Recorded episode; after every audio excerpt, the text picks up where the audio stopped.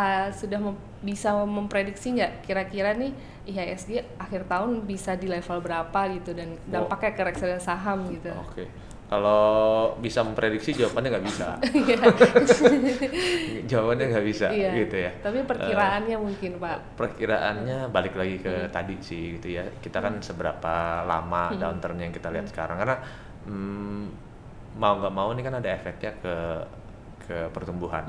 Uh, baik pertumbuhan ekonomi kita ataupun pertumbuhan uh, apa namanya dari laba itu sendiri gitu kan.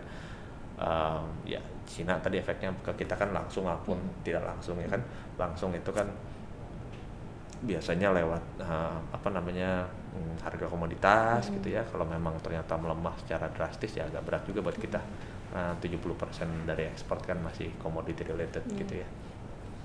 Itu satu Uh, terus yang mungkin yang tidak langsung ya tentunya efeknya ke katakanlah mm, apa namanya risk appetite dari investor global secara umum. Karena kalau volatilitasnya masih tinggi orang masih takut resiko biasanya pegang emerging market asset agak susah gitu. Jadi kalau orang takut pegang emerging market asset ya emerging market stocks atau saham pasar negara berkembang termasuk Indonesia juga agak berat.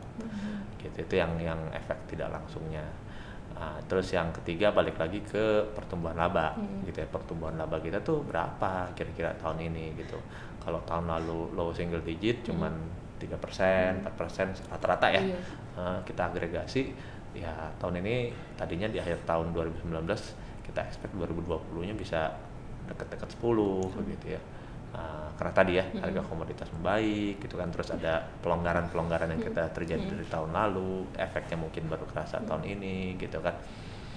Eh, omnibus law hmm, nggak tahu ya di kapan bisa kejadian gitu kan. Dan efeknya juga nggak instan ya. Nah, pasti makan waktu mungkin 2-3 tahun. Jadi kalau omnibus law itu nggak ada efek ke earnings sebenarnya kalau menurut saya sih tahun 2020 tapi efeknya ke pertumbuhan mungkin 2021 2022 gitu. Karena di sana gitu ya. Jadi kalau kita bicara tahun ini aja balik lagi ke yang tadi sih. Gitu ya, kita bisa tumbuh berapa terus faktor eksternalnya bisa se- berapa cepat reda sehingga orang bisa beli lagi atau masuk lagi ke uh, aset kelas seperti emerging market dan Indonesia. Em, berapa tahun ini? Awal tadinya kita pikir bisa 67 66 67 gitu ya. Hmm, nggak tahu ya Bismillah deh 6.700 berarti lumayan tuh Pak 6.700. kan kemarin uh, bottomnya di Kurang- 5.900 Ya, Pak. kalau masuk kita ini sederhananya sih eh, lumayan tinggi. kita waktu itu kita expect ya kurang lebih 10 persenan lah ya 10 dari level persenan.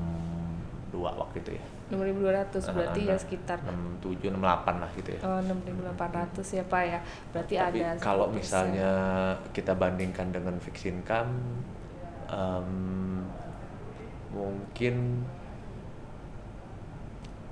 ya karena marketnya udah turun ya ya equity-nya sedikit lebih menarik dibandingin fixed income. Dan bisa kalau itu bisa kita tarik jangka lebih panjang kali ya Pak ya. Karena kan ini 5.900 uh, udah berapa tahun nih belum eh, apa belum tersentuh level ini gitu loh Pak. Tahun lalu eh tahun lalu ya Pak ya. maksudnya berapa Udah ya berapa tadi kayak Bapak doang. bilang hmm, maksudnya kayak Bapak bilang tadi flat aja nih berapa tahun belum oh naik-naik ya gitu maksud saya. 6.300 levelnya Mm-mm. 62 63 itu udah 2 tahun Iya. Belum naik-naik lagi. belum naik gitu. naik lagi memang Eh ya nggak nggak memang relatif lebih susah ya kalau kita nggak ada intinya sih balik lagi ke ke kalau kita sederhananya balik lagi ke fundamental ya balik lagi ke pertumbuhan sama balik lagi ke valuasi gitu. jadi kalau valuasinya eh, murah pertumbuhannya kenceng ya marketnya reboundnya lebih cepet gitu aja sih Gitu. Itu tadi bicara IHSG kalau uh, di Shalendra Capital nih ya. Hmm. uh, produk unggulan nih yang tahun ini apa aja sih, Pak? Waduh. Bedanya sama tahun lalu apa nih? Kan tahun lalu pendapatan tetap. Hmm. Kira-kira tahun ini apa nih, Pak? Saya rasa pendapatan tetap first half ini masih oke Masih lah ya. ya, Nah, oke. gitu. Terus um,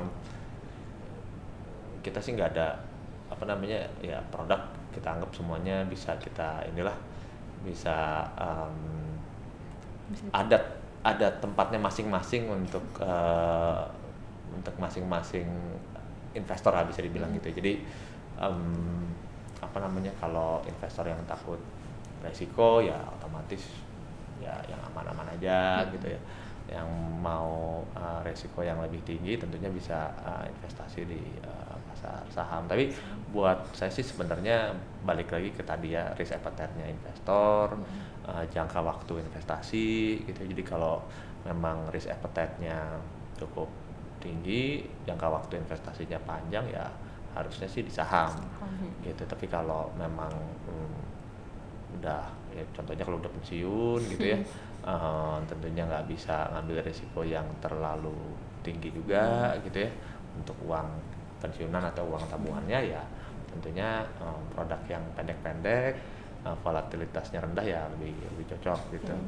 terutama kalau um, kayak sekarang gitu ya kalau kita nggak bicara um, apa namanya money market hmm. gitu kan masih kasih enam persen kira-kira aja ya enam persen inflasi tiga ya tiga setengah. nah, gitu. Real returnnya kan masih dua setengah persen ya. Nggak um, banyak sih money market produk di luar negeri yang real return bisa dua setengah persen. Gitu. Jadi kalau kita taruh money market produk di Amerika di luar negeri deh mana itu mah hampir nggak ada real returnnya.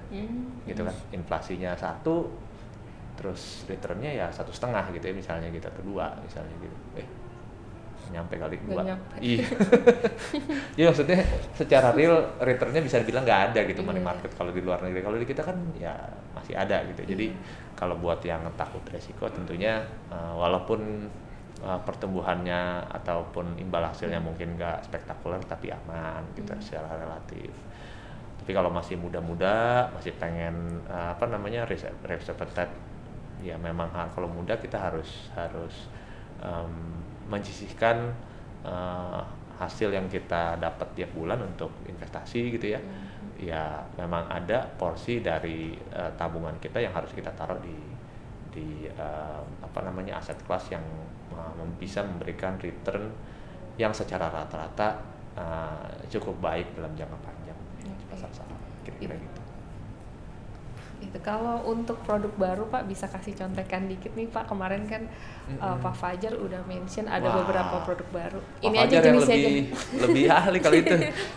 Saya nggak terlalu uh, nggak uh, terlalu uh, detail soalnya ngurusin itu ya.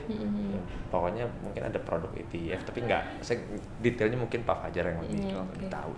Nanti uh, aja berarti ya. Iya, mungkin tanya Pak Fajar kalau okay. yang itu yang ETF iya itu soal, soalnya menarik sih kemarin uh, gitu uh, kita sih mungkin ETF hmm, itu aja sih kalau kalau di kita soalnya mungkin um, balik fokus kita ke produk-produk kita yang udah ada hmm. gitu ya kita coba terus perbaiki kinerjanya hmm. gitu kan dari waktu ke waktu uh, ya make sure kita bisa memberikan ya pokoknya uh, apa namanya risk returnnya uh, ya paling bagus buat buat klien-klien kita. Buat investor ya pak iya, ya. Kurang hmm. lebih gitu.